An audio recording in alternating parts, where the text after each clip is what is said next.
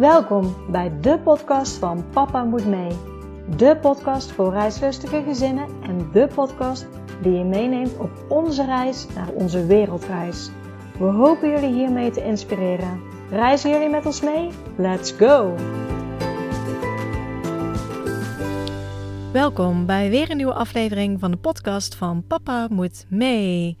Ik ben Annemarie en ik neem jullie mee op onze wereldreis. En nou, het valt misschien nu al op dat ehm, ik in mijn eentje ben. En dat komt omdat ik een uh, ja, hele persoonlijke podcast met jullie op wil nemen. Natuurlijk uh, gaat het Frans ook aan, maar um, het gaat eigenlijk over mijn familie. En daardoor hebben we ervoor besloten dat ik die gewoon zelf alleen opneem. Dus uh, vandaag moeten jullie het alleen met mij doen. Er is namelijk de afgelopen weken, kan ik wel zeggen, op de achtergrond bij ons best wel veel gebeurd. Er is veel gaande geweest met familie, met mijn familie in Nederland. En dan is het natuurlijk best lastig als je echt op dit moment gewoon letterlijk aan de andere kant van de wereld zit. Want we zitten nog steeds in Nieuw-Zeeland.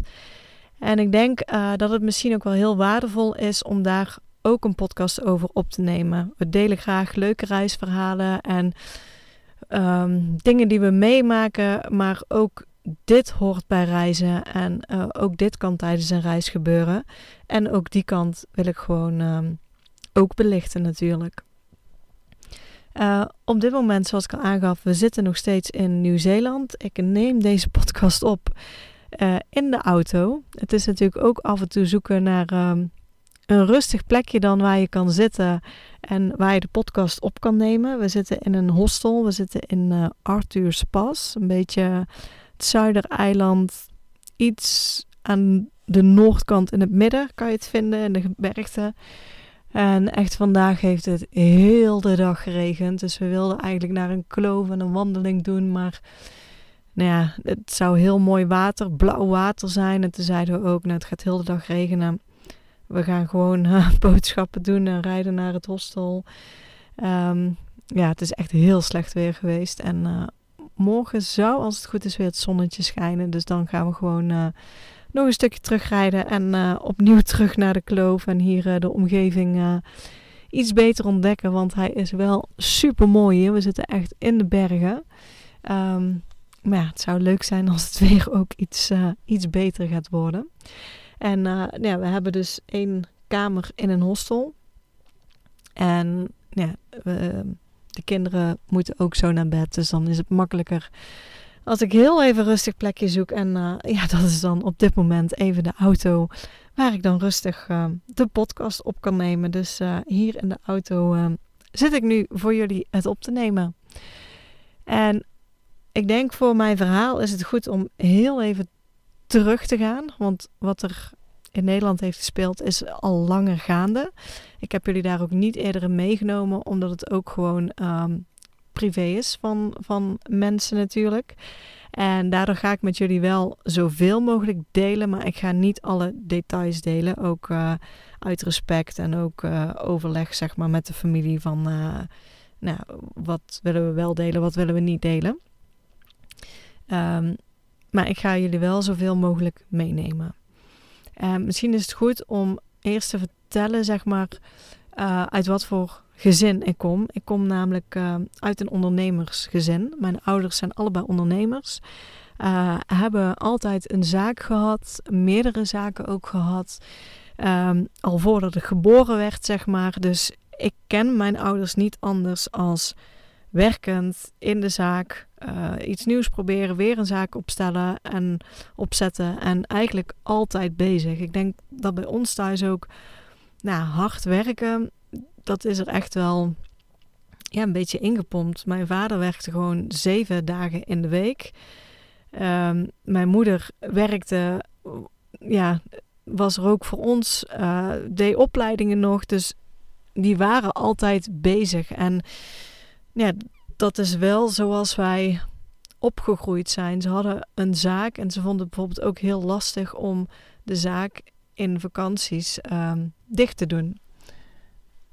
Dus um, zij hebben denk ik toen ik klein was, daar weet ik dan zelf niet meer zo heel veel vanaf, hebben ze op een gegeven moment besloten voor het eerst de zaak dicht te doen en vakantie te houden. En toen gingen ze een midweekje weg.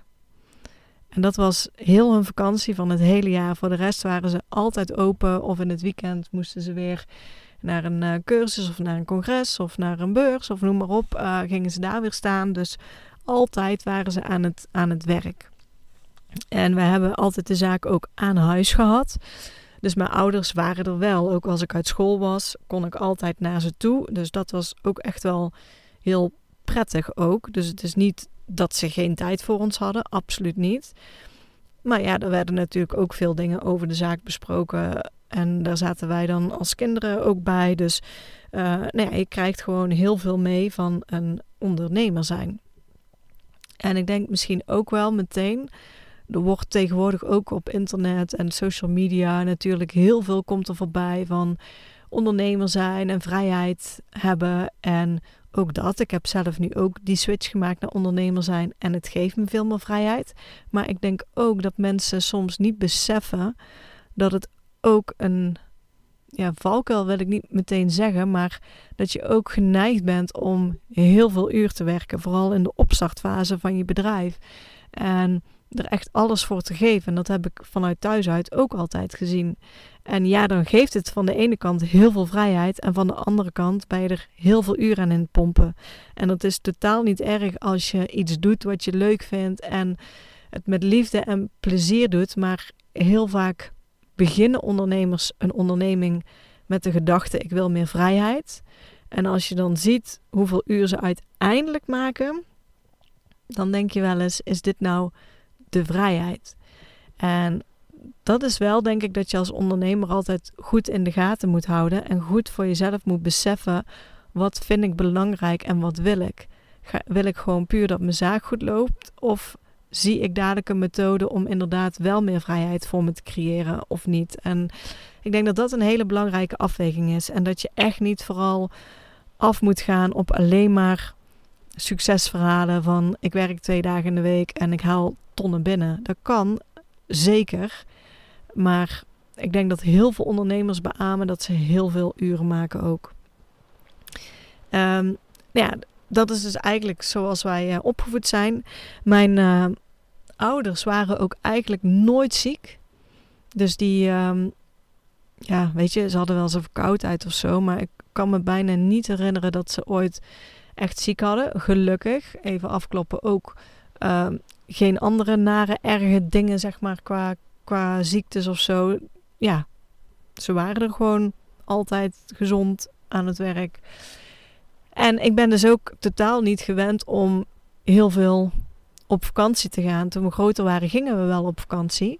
Maar bijvoorbeeld weekendjes weggaan, dat deden wij nooit. Want hadden een zaak en die was open en die kon niet zomaar dicht. En dus ik ben totaal niet gewend om een weekendje. Ja, heel veel mensen hebben als kind weekendje centerparks of zo. Nou, hebben wij gewoon nooit gedaan. Dus dat ken ik helemaal niet. En in in de zomervakantie nou, bleven we ook gewoon in Nederland.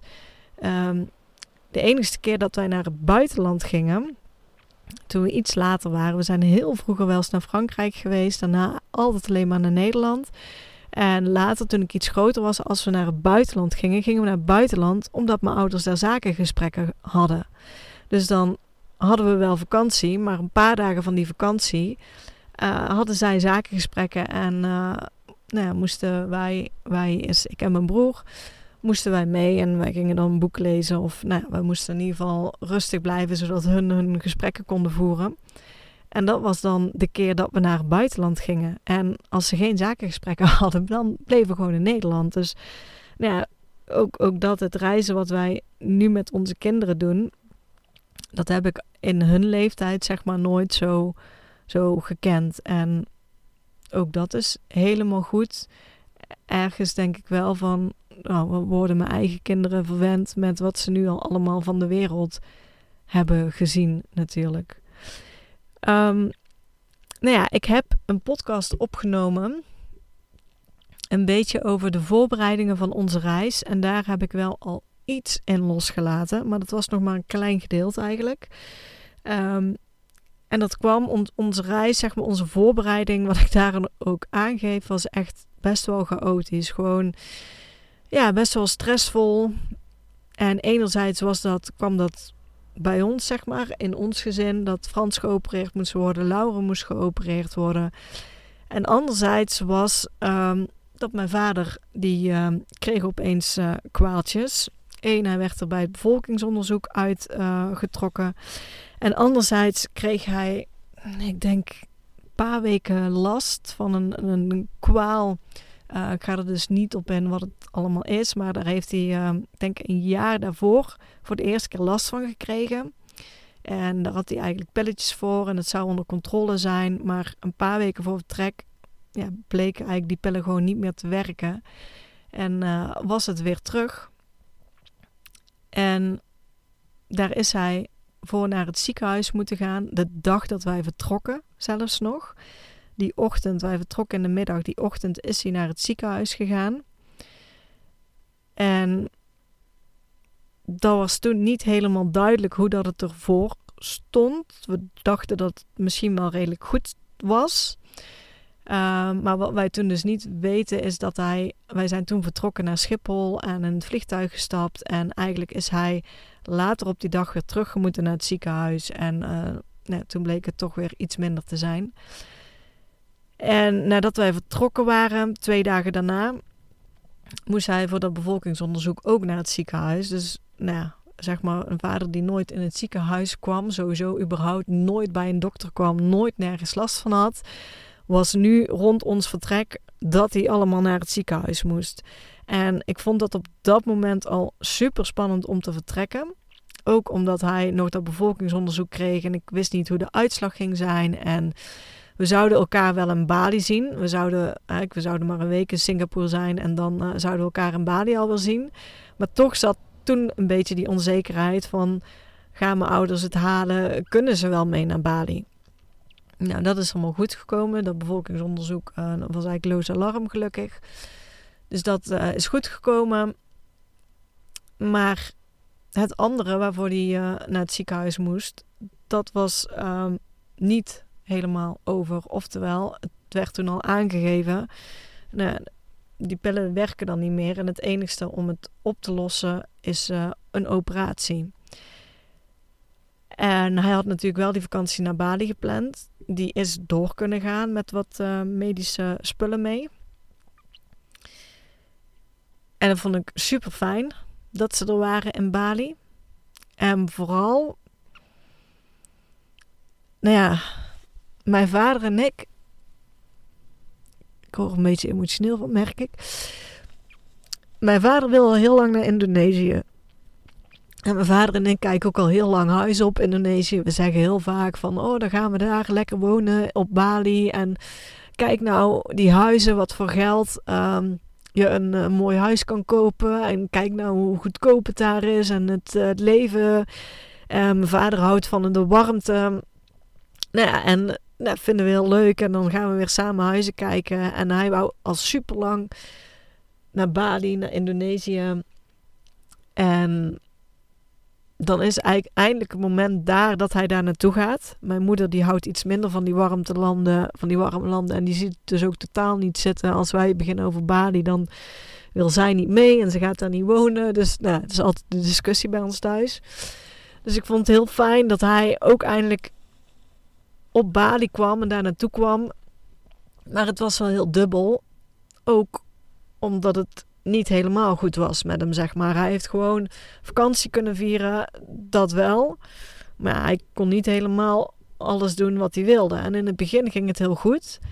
Alleen naarmate de dagen vorderden, namen zijn klachten ook wel toe. En mijn vader is een redelijk trots gesloten persoon, zullen we maar zeggen. Dus die laat zichzelf niet kennen eigenlijk. Maar we merkten wel, op een gegeven moment ging het eigenlijk ja, gewoon minder. En toen zaten we net op uh, Nusa Penida. We hebben ook contact gezocht met, uh, met het ziekenhuis, met de Nederlandse arts en eigenlijk in overleg heb ook tegen mijn ouders gezegd: ga maar eerder terug naar Bali en ga een ziekenhuis opzoeken en kijk gewoon even wat ze hier in Bali voor je kunnen betekenen. En dat hebben mijn ouders gedaan. We, hebben, we hadden eigenlijk al de boot teruggeregeld met z'n allen, maar dan konden we gewoon, wat dat betreft, is echt Bali top. Je zegt gewoon tegen je hotel: Goh, we hebben een boot geregeld, maar mijn ouders willen één dag uh, eerder al uh, en die bellen mensen op en het is geregeld. Dus zij gingen één dag uh, voor ons al naar het vasteland. Zij ehm, we zouden na Nusa Penida zouden we doorgaan naar Sidemen. En zij zijn naar Ubud gegaan. Daar hadden we ook een ziekenhuis gevonden. En zij zouden daar naar het ziekenhuis gaan. En dan daar blijven of niet. Ja, lag er een beetje vanaf. Geen idee wat ze daar konden. Of uh, ja, geen idee sowieso. Uh, dus hun zouden misschien helemaal niet naar Sidemen gaan. En dan zouden we elkaar weer in Ubud zien. Want wij kwamen naar Sidemen naar Ubud. Dus zo hebben we het eigenlijk gedaan.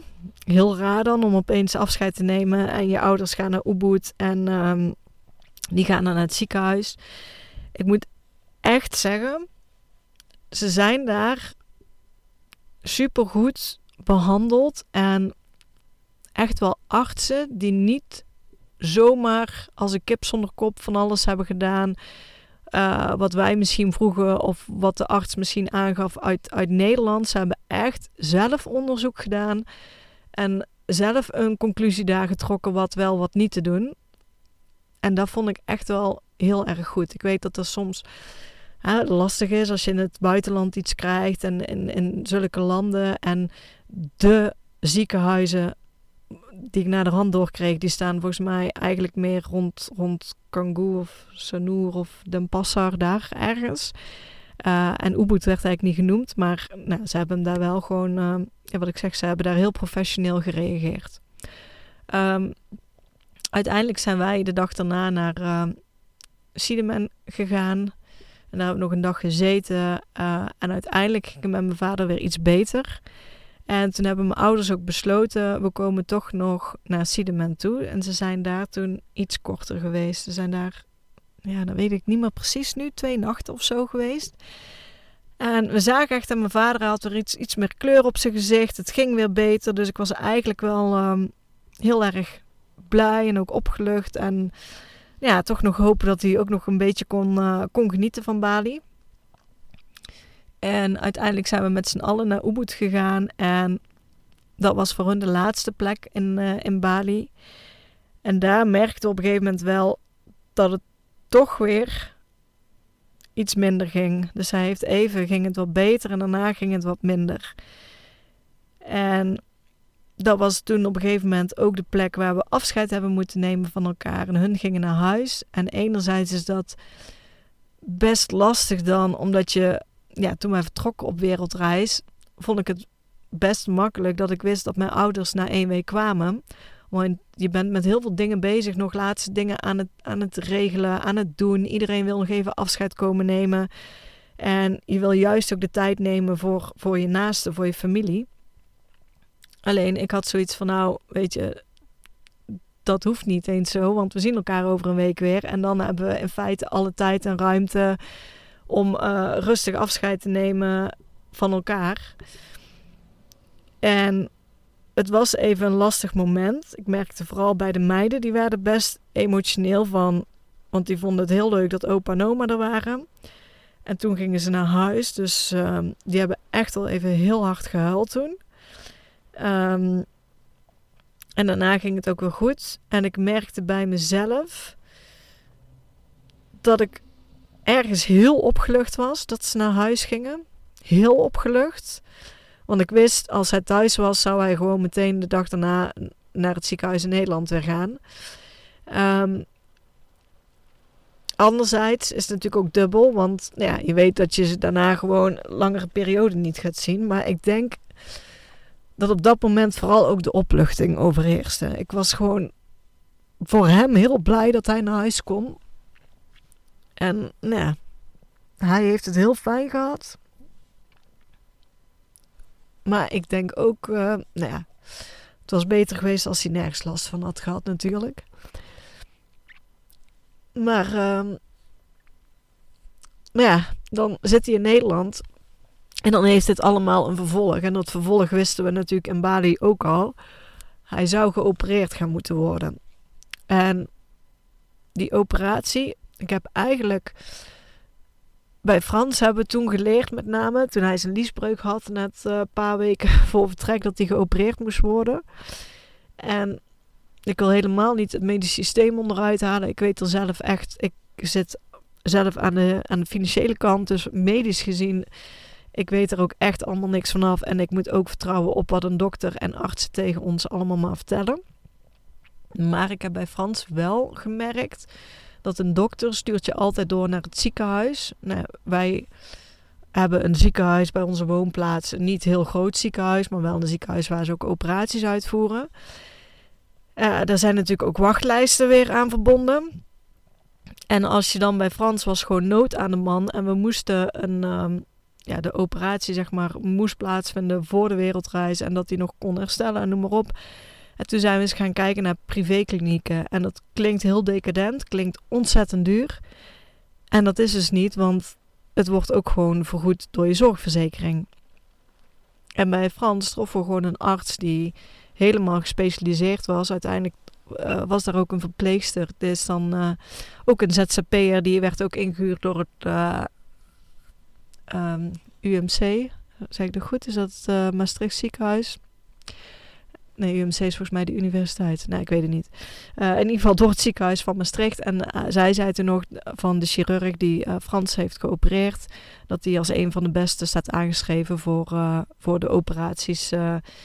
Frans had dan een liesbreuk, maar ze deden daar ook navelbreuk. Allemaal nou, dat soort operaties. En daar hebben we toen met mijn vader eigenlijk op reis ook al over gehad. Want het was duidelijk dat hij een operatie moest. Nou ja, Frans en ik zijn wel samen. Wij zoeken meteen alles uit dan. Wat voor soort operaties zijn er? Wie zijn er? En daar bleek natuurlijk wel, en nou, dat is denk ik ook logisch, dat um, bij iedere operatie kunnen er complicaties natuurlijk optreden. Dat is gewoon standaard. Maar bij hetgeen wat hij moest, kwam ook duidelijk naar voren dat als je een gespecialiseerde arts had die die operatie vaker uitvoerde in een jaar, dat die complicaties daarmee echt, um, nou, het percentage veel en veel lager was. En nogmaals, alle respect voor het ziekenhuis bij ons in de buurt. Maar eh, die arts zal er niet zoveel operaties uitvoeren van dat type als een centrum dat alleen maar gespecialiseerd is in dat soort operaties. Dus toen zijn we ook echt daar naartoe gegaan. Ook met name dat de wachtlijsten bij de gewone ziekenhuizen zijn echt super lang. En ja, er was geen, geen nood, zeg maar, aan de man. Maar nou ja, heel, heel lang wachten was ook niet echt um, aan te raden, denk ik. Um, dus we zijn vanuit Bali wel al ook klinieken gaan benaderen. In, in de hoop dat, uh, dat alvast uh, die eerste wachttijd uh, nou ja, kon beginnen als we in Bali zaten. En uiteindelijk is hij dus ook geopereerd bij een gespecialiseerd centrum in België zelfs. En ook dat werd gewoon vergoed door je zorgverzekeraar. Dus nou ja, misschien voor iemand die het moet horen, echt blijf in ieder geval zelf nadenken. Blijf je onderzoek doen en blijf gewoon kijken naar wat er allemaal mogelijk is. Want er is vaak heel veel meer mogelijk dan alleen het ziekenhuis waar ze je naar doorverwijzen. En ik zeg niet dat ziekenhuizen niet goed zijn, want ook die hebben specialisaties, maar zoek het wel uit. En wij kregen al vrij snel de datum te horen en hij zou begin januari geopereerd moeten worden. En ik merkte wel ik was er heel erg mee bezig in Bali. Ook met name, ja, hoe voelt hij zich en kan hij wel genieten? En heeft hij veel last? Heeft hij niet veel last? En toen ze weg waren naar Nederland weer terug, merkte ik bij mezelf ook wel opluchting. Je hebt op dat moment echt letterlijk afstand. En daardoor voelde ook wel, zeg maar, een beetje van: oké, ze zijn nu in Nederland, het is goed. En daardoor kon het bij mij ook wel een beetje rusten. Daarvoor heb ik, ik merkte gewoon dat ik me toch daar druk om heb gemaakt. En toen we weer terug waren in Nederland, kwam er een soort berusting van: oké, het is nu goed. Ze zijn in goede handen daar. En ja, werd het aan mijn kant ook weer gewoon iets kalmer. Totdat uh, hij natuurlijk geopereerd moest worden. En dan is het ook heel spannend om aan de andere kant van de wereld te zitten. En vooral, we hebben gewoon nu 12 uur tijdsverschil. Dus je weet, als hij geopereerd wordt, dan liggen wij te slapen. En die nacht heb ik ook best slecht geslapen. Je maakt je dan toch zorgen en stel dat het niet goed gaat. Dus uh, nou heel blij de volgende ochtend toen we wakker werden om te horen dat de operatie gewoon goed is gegaan. Hij moest een paar dagen in het ziekenhuis blijven en dan zou hij weer naar huis mogen. Dus uh, nou ja, toen was er uh, met name opluchting, heel erg fijn. En dan weet ik niet meer of de dag erna was, hoe we zitten met tijdsverschil. Maar ehm, de dag dat hij naar huis moest, wij gingen net slapen. En bij hun was het ochtend weer. Kregen we net een berichtje.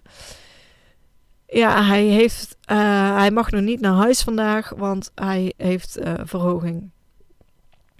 En nou dat was voor het slapen. En dan ga je toch weer allerlei doemscenario's in je hoofd halen dat ik denk, wat ik al zei, ik ben totaal niet medisch, maar ik heb wel meegekregen, als je verhoging hebt na een operatie, kan het zijn dat je een infectie of een bacterie hebt. Dus ik denk, het zal toch niet. Hè? Het zal toch niet dat heel die operatie is goed gegaan. Ja, want dan hoor je ook wel eens bij mensen. En dat er dan nu blijkt dat, dat er dadelijk uh, een bacterie of infectie zit en dat het alsnog misgaat. Dus ja, net voor het slapen gaan. Dus je gaat het al die nacht heb ik ook niet heel goed geslapen. Nou ja, we werden weer wakker en toen bleek dat hij uiteindelijk uh, toch naar huis is mogen gaan. Hij heeft antibiotica gekregen en uh, ja, hij mocht thuis gewoon verder herstellen. En ja, daar zitten we nu zeg maar. Het is halverwege januari. Operatie is goed gegaan. Het gaat heel goed met hem eigenlijk. Dus daar is de rust echt wel van, van teruggekeerd. Maar het is gewoon echt heel spannend. Het is niet dat we op het punt hebben gestaan van oh we gaan terug naar Nederland of, of heimwee of dat absoluut niet. Maar je merkt wel, ja, je, je bent niet zomaar bij elkaar. En misschien dat je daardoor juist meer zorgen maakt. Denk ik misschien wel dat, je, dat er dan toch doemscenario's door je hoofd gaan van als het nu misgaat, dan ben ik niet zomaar thuis. Want ja, alleen al met het vliegtuig eh, ben ik 24 uur onderweg. Dus ja, als het misgaat, dan doe ik er heel lang over voordat ik thuis ben.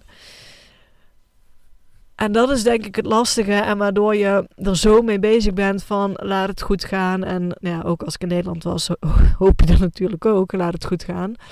Maar nou dan ben je in ieder geval zo bij elkaar. Dus dat is um, enerzijds wat er de laatste tijd um, dus heeft gespeeld. Nou, dat begon natuurlijk al een beetje voorafgaand onze reis. In, in Bali was het aan de orde. Um, ja, in Australië stond het eigenlijk op een laag pitje, omdat nou, toen iedereen eigenlijk in de wachtstand zat. En we wisten dat als we in Nieuw-Zeeland zaten, hij geopereerd moest worden. En daarnaast, ik begon uh, al over dat ze een eigen zaak hadden. Ja, mijn ouders zijn inmiddels, uh, hebben een beetje de leeftijd bereikt. Uh, dat ze met pensioen mogen gaan. Uh, nou ja, en was ook het idee om de zaak te verkopen. En de zaak verkopen, dat, uh, dat doe je niet zomaar. En financieel gezien heb ik dus wel de kennis in huis. Dus ook voor vertrek ben ik daar met mijn ouders mee bezig geweest. Heb ik ze daarmee begeleid. Zijn we hele project begonnen. Maar zo'n project um, duurt gewoon lang, of in ieder geval langer. Hè. Er zijn uh, meerdere kandidaten die met je willen praten. Met de, nou, noem maar op. En um, uiteindelijk, zeg maar, ik ben even aan het denken hoe, hoe, ja, hoe dat ik het moet vertellen en alles. Maar uit, uiteindelijk um, kwam ook nou ja, waren ze nu op een punt, zover in de onderhandelingen, zeg maar, uh, dat het tegen het einde aanliep. En als het tegen het einde aanloopt, dan uh, komen de contracten en alles op tafel. En ook dat is natuurlijk een, uh, ja, een proces waar gewoon goed doorheen moet worden gelezen en gekeken. En dan zit je opeens ook met 12 uur tijdsverschil.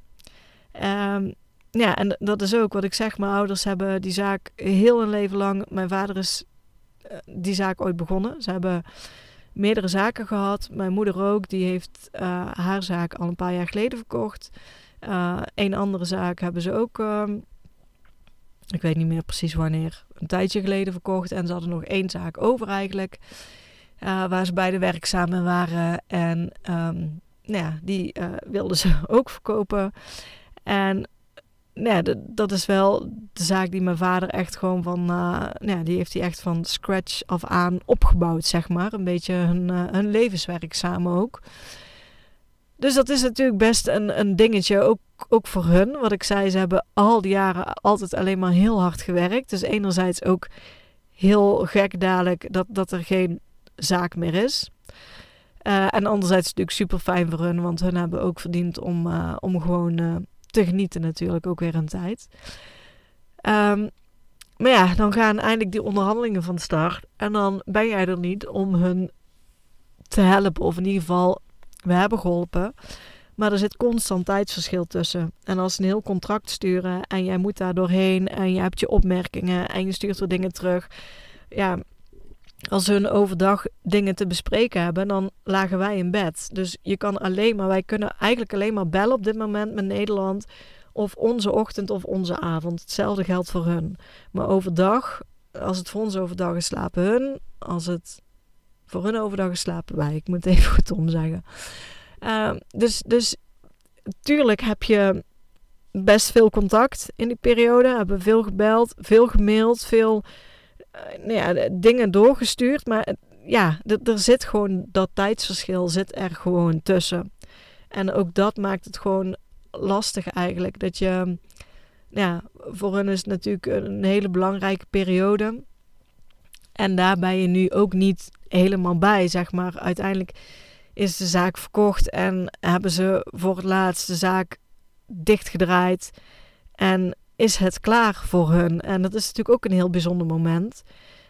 En ergens, ja, ik ben aan het denken, ik wist natuurlijk ergens dat het eraan zat te komen. Mm, ja, dat ze zouden stoppen sowieso. Um, ja, misschien ook nooit beseft dat, dat, het iets emotioneler is dan, dan dat ik had verwacht. Um, dus ja, dat zijn wel dingen die, die je gewoon mist als het ware. En op afstand kan je ook heel veel doen hoor. Want natuurlijk stuur je ze een bos bloemen en een kaart en, noem maar op. Um, maar ja, ook, ook daar hebben we ons gewoon ook ja, druk gemaakt. Is, is misschien een groot woord, maar je bent er ook wel mee bezig dat je denkt: oké, het moet allemaal goed geregeld zijn. En nou het contract moet goed zijn, noem maar op. En uh, nou ja, ook, ook dat ja, kost ook gewoon weer energie van onze kant. En ook daar lig je wel zo voor wakker van, uh, nou ja, hoe, hoe gaat het en uh, noem maar op. En nou ja, was ook net in de periode dat mijn vader net geopereerd was. Dus ja, het kwam eigenlijk allemaal een beetje tegelijkertijd, een beetje samen. En nu is ook de rust wedergekeerd. Vandaar dat ik nu ook zoiets heb. Oké, nu neem ik gewoon een podcast over op. Want uh, nou, heel de verkoop is, is rond. Nou, wat ik al zei, het kost gewoon om een bedrijf te verkopen en contractueel alles goed vast te leggen. En um, ja, dat heeft voor iedereen gewoon even tijd nodig. En uh, dat is uh, nou ja, helemaal naar tevredenheid afgerond. Dus super fijn. Dus voor mijn ouders opeens uh, heel gek. Ook heel gek dat ze natuurlijk heel veel tijd hebben en wij zijn er niet. mijn ouders hebben twee kleinkinderen en dat zijn mijn dochters, zeg maar. Dochters van Frans en mij. En daar passen ze ook op op, zeg maar. Dus uh, nou ja, normaal hebben ze daar alle tijd voor. Of in ieder geval, normaal maken ze daar altijd voor. En nu hebben ze daar ook alle tijd. En dan zijn wij er natuurlijk niet. Dus dat is ook heel, uh, heel gek. En anderzijds denk ik dat het misschien ook wel heel prettig was dat wij er niet waren. Dat ze gewoon de tijd hebben en hadden om even te focussen op de verkoop van het bedrijf. Even te focussen op de operatie en herstel en op zichzelf gewoon, dat ze daar ook gewoon even de tijd voor nemen. Dat is misschien ook wel uh, heel erg fijn. Maar ja, ook dit soort dingen gebeuren er als je op reis bent. Er gebeuren dingen in Nederland. Er zijn mijlpalen in Nederland. En je kan niet overal dan bij zijn. En enerzijds is dat jammer. Anderzijds, ja, wij doen op dit moment zoiets te geks. Dat, dat ja, wij leven op dit moment gewoon echt onze droom. En dan is het soms jammer dat je ergens niet bij bent. Maar nou, is, is het ook, ja, hoe moet ik het zeggen, dat, dat je dat er wel voor over hebt. Omdat je, ja, we krijgen er ook heel veel voor terug om dit wel te doen. En, en dat is wel, alleen als er gewoon zaken spelen in Nederland, dan, uh, ja, dan kan het gewoon lastig zijn. En ik weet, ik heb, uh, ik heb hier op Instagram niet veel over gedeeld. Enerzijds ook omdat het uh, ja, om privé dingen ging van, uh, van iemand anders. dus dat deel ik niet. Maar ja, ik wil wel. Ik heb op een gegeven moment ook gezegd van ergens in de opmerking dacht ik van hoe het is dat, ik zei van er zijn wat dingen met familie in Nederland geweest. En ook daar kreeg ik best wel wat reacties op van mensen die die hetzelfde hebben meegemaakt. Dus die, uh, of, of een overlijden, wat natuurlijk ook kan. En dat is echt wel een van mijn angsten geweest voordat ik op reis ging. Dat ik echt dacht, laat niemand in mijn nabije omgeving um, sterven alsjeblieft. Laat onze hond uh, alsjeblieft niet sterven. Um, ja, dat zijn echt wel angsten die je hebt voordat je gaat. En ja, ondanks dat komt het ook voor. Want er zijn gewoon gezinnen die zeiden: nou, We hebben een sterfgeval gehad, we zijn terug moeten gaan. Ik heb ook mensen gehad die zeiden: ja, Iemand werd geopereerd bij ons. Dus ja, wij zijn echt niet de enigste. En uh, nou ja, mocht jij door zo'n situatie gaan, dan weet ook dat jij ook niet de enige bent. Um, ja, en, uh, en dat dat ook onderdeel is van als je op reis bent of in een ander land woont en niet dicht bij je familie kunt zijn. Dus ja, dat was eigenlijk um, ook een beetje waar wij op de achtergrond de laatste tijd, de laatste tijd, de laatste weken een beetje mee bezig zijn geweest. Uh, ik heb daardoor slecht geslapen, merkte ik. Um, ik kon gewoon moeilijk in slaap komen. Misschien ligt het ook wel liggen om de zoveel nacht weer in een ander bed. Dus misschien ligt het daar ook aan. Maar ik had daar gewoon uh, moeite mee. Sowieso is het, het is hier natuurlijk zomer. Het is hier lang licht in Nieuw-Zeeland. Dus we merken ook dat de meiden, die, het heeft geen zin om ze op tijd in bed te leggen. Want ze kunnen gewoon niet slapen. En nou ja, daardoor, ik wou zeggen, liggen we zelf later in bed. Dat is ook niet zo. Maar ja, de laatste dagen was het gewoon uh, allemaal wat slechter met slapen. En nu is in ieder geval de rust weer terug. Ik weet dat het goed gaat in Nederland. En dat is heel erg prettig. En uh, ja, ik ga er een eind aan breien. Want volgens mij uh, heb ik in ieder geval alles verteld wat ik wilde vertellen. En dan gaan we de volgende keer gewoon weer een vrolijk reisverhaal doen, denk ik. Geen idee. We, bepalen eigenlijk altijd gewoon van tevoren in de podcast waar we het over willen hebben.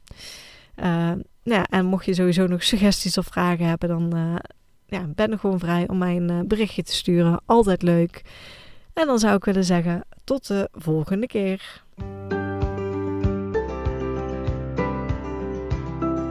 Super bedankt voor het luisteren naar deze podcast. Ik zou het heel leuk vinden als je ons volgt op Instagram. Papa moet mee. Deel deze vooral in je stories als je hebt geluisterd en tag ons en laat ons weten wat je ervan vond. Tot de volgende keer.